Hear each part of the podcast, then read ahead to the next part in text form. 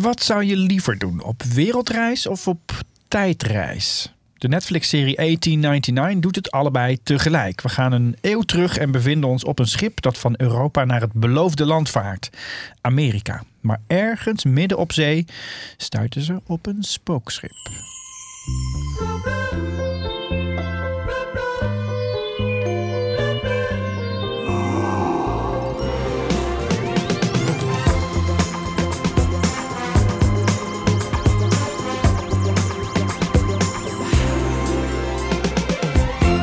Dit is de Koos Podcast. Mijn naam is Adse de Vrieze. Naast mij zit Yukiko Hallo, buongiorno. en Alex Massereo. Hallo. We hadden het vorige week over een eh, blockbuster-serie, The Crown, die aan zijn vijfde seizoen bezig is.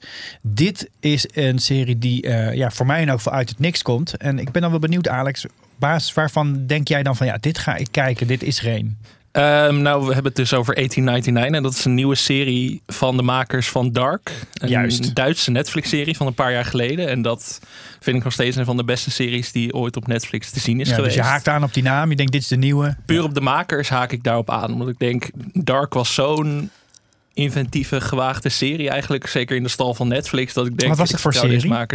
een tijdreisserie. Ehm, onmogelijk te volgen af en toe. Maar het speelde zich af in een, in een Duits dorpje. En daar verdween een kind. En dat klinkt heel ehm, basic eigenlijk. Maar Ja. toen bleek het steeds gekker te worden. En door allerlei tijdlijnen te reizen. En ging het helemaal terug tot Adam en Eva op een gegeven moment. Het was echt mindblowing die hele serie. Ja, dat is grappig, want ik noemde net tijdreizen en er wordt helemaal niet getijdreisd in deze film eh, of in deze serie. Eh, Maar het gevoel heb je wel een beetje dat je aan het tijdreizen bent. Je dat heb gaat- ik dus niet bij andere series die 100 jaar geleden afspelen.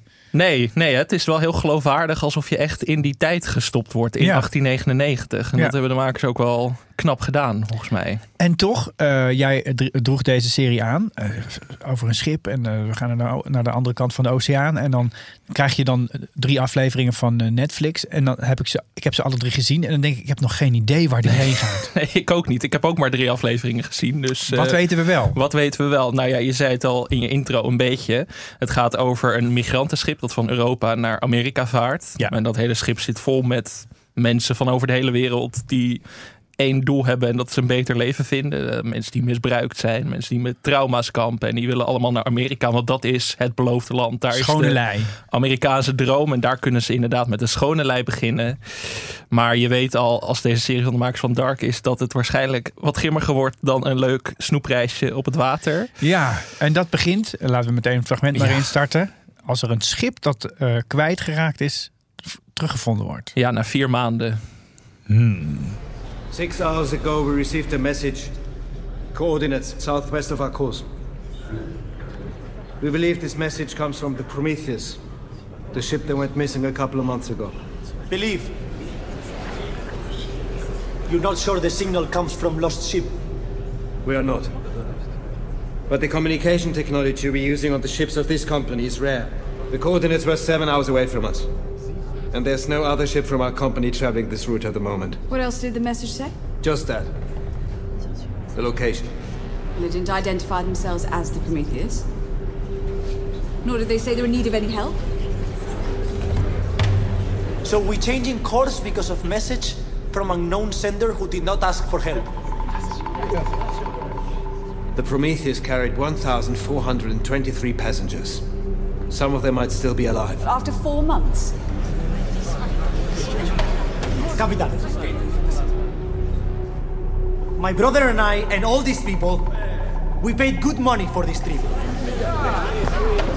Seven days to get to New York, no detours. Ja, heerlijk dat je gewoon in deze minuut al vijf verschillende Europese accenten hoort. En dat is eigenlijk pas het. eh, dat is eigenlijk nog niks, hè? Het is één grote smeltkroes aan nationaliteiten en talen ook. Zeg maar, de, heel veel acteurs spreken in hun eigen taal. Dus het is echt eh, van Deens tot Chinees tot, eh, tot Spaans en dan weer Duits en Engels. Het is echt alles door elkaar. Dat is toch bizar? Heb je dat ooit gezien? Een serie waarin gewoon vijf, zes talen ge- gebruikt worden? Nee, maar ik denk ook wel meteen, oh, het is ook wel echt een dilemma wat we heel erg in deze tijd kennen, toch? Van ga je je eigen pad verleggen voor om potentieel iemand te kunnen redden? Ja, zeker. Dat, ik vind het wel heel mooi. Is dat ook een beetje de metafoor die ze proberen te maken?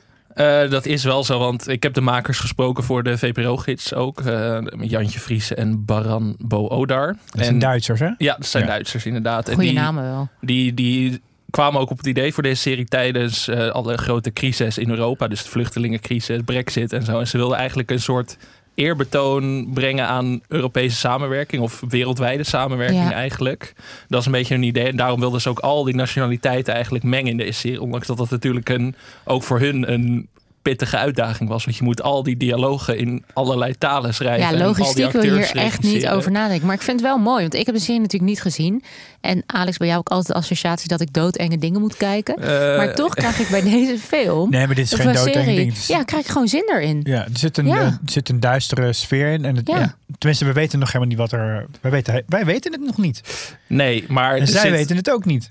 Eh, nee, zij weten het ook niet. Maar er zit wel een duister randje aan. Want ze vinden dus, gaan dus uiteindelijk wel dat schip zoeken. Dat gebeurt in de eerste aflevering. Dus niet Ja. echt een spoiler. Maar de kapitein besluit op eigen houtje om toch even te gaan kijken bij dat schip. En dan blijkt dat er allemaal mysterieuze dingen gebeurd zijn.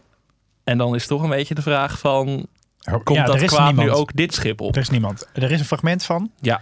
eh, het mysterie van het Prometheus-schip. Oeh. So the whole ship was empty.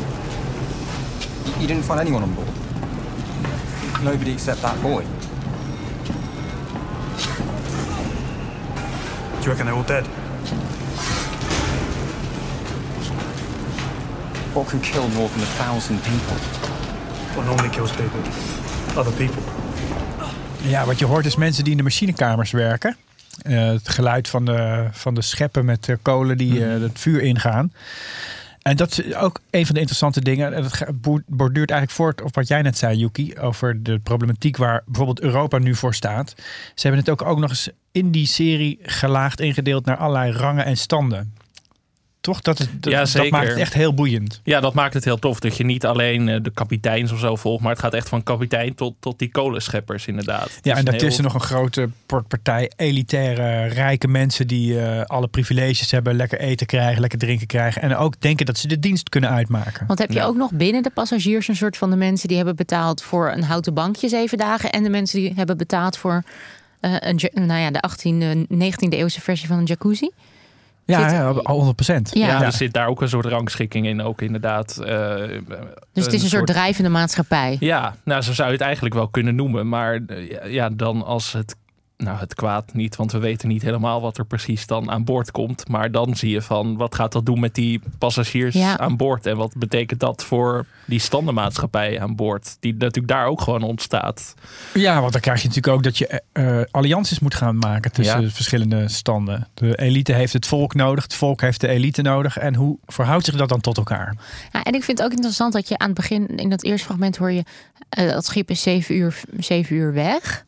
Ehm, dat klinkt heel ver, maar er is ook altijd volgens mij met, met de, psyche, de psyche van de mensen een soort van maximum afstand. Ik ben dus ook benieuwd, waren ze gaan kijken als hij een dag Een weg uur, was? of Of, een- ja. een uur? Waren er dan meer mensen betrokken geweest of niet? Toch? Je hebt het, dat, Ja. dat, dat is ook wel, vind ik, altijd een mooie eh, een vraag, ook rondom het migratiedebat nu. Van, Mhm.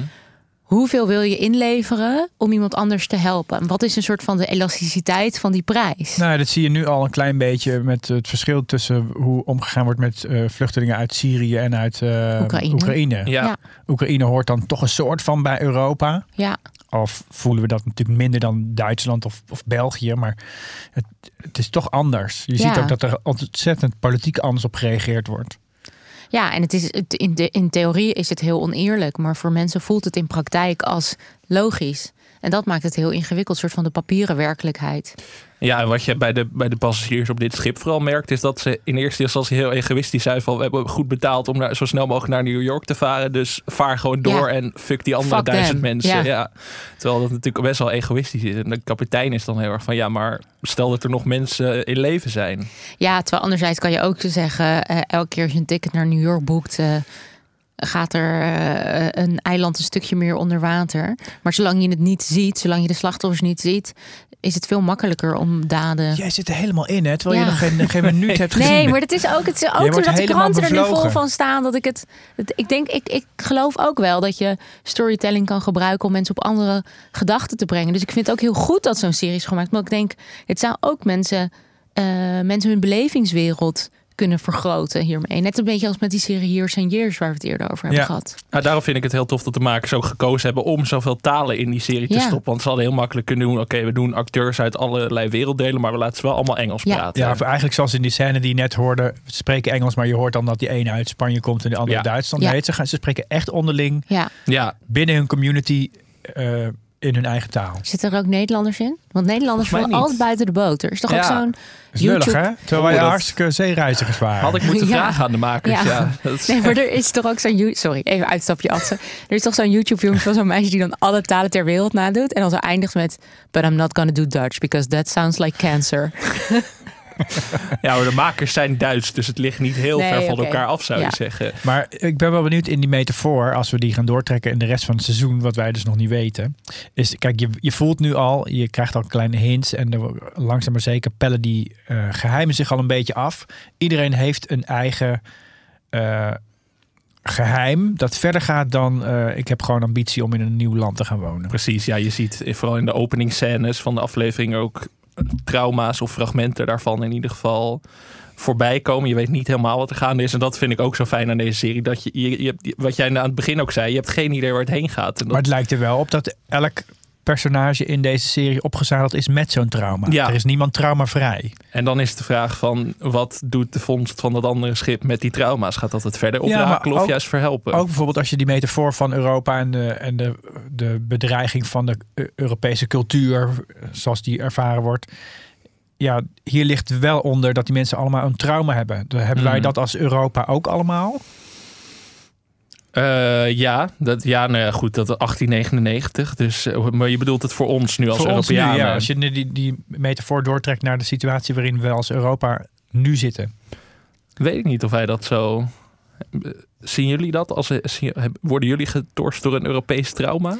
Nee, maar ik denk wel dat je kan zeggen dat we eh, als Europa, althans, we hebben natuurlijk onze hoogtijdagen wel ge- gehad. En die Ja. hebben we ook gehad ten koste van het kolonia of nee, door het kolonialisme, wat natuurlijk voor heel veel mensen eh, intergenerationeel trauma heeft bezorgd. Dus ik kan me wel voorstellen dat, je, dat we nu in een fase zitten waarin we nu ook eh, excuses gaan maken voor, eh, voor wat we gedaan hebben in het nou, wat onze voorouders gedaan hebben voor in het slavernijverleden. Dat je, ja, je zou wel kunnen spreken van, van een soort Europees trauma. En ook eh, wat doet het met je als, als continent als je heel lang de dienst hebt uitgemaakt en nu toch ook een beetje achter andere grote jongens moet gaan aanlopen. Ja, en de grap van deze serie is dan ook dat ze naar Amerika afreizen, waar het Ja. leven natuurlijk voor hun niet per se beter wordt. Maar Nee. dat is meer wat ze zichzelf wijsmaken. Net Ja. als dat je nu heel veel mensen hebt die dan in Portugal land gaan kopen, omdat ze denken van daar wordt het leven wel beter. Ja, weet precies. je wel. Dus dat, dat soort dingen zitten er wel heel erg in. Nou, er zit in elk geval het privilege in dat dat kan als Europese burger in 1899. Ook al zit je misschien in een soort half eh, veredelde kooi in de derde klasse. Maar er is nog wel dat. Je kunt dat, wel dat naar Amerika.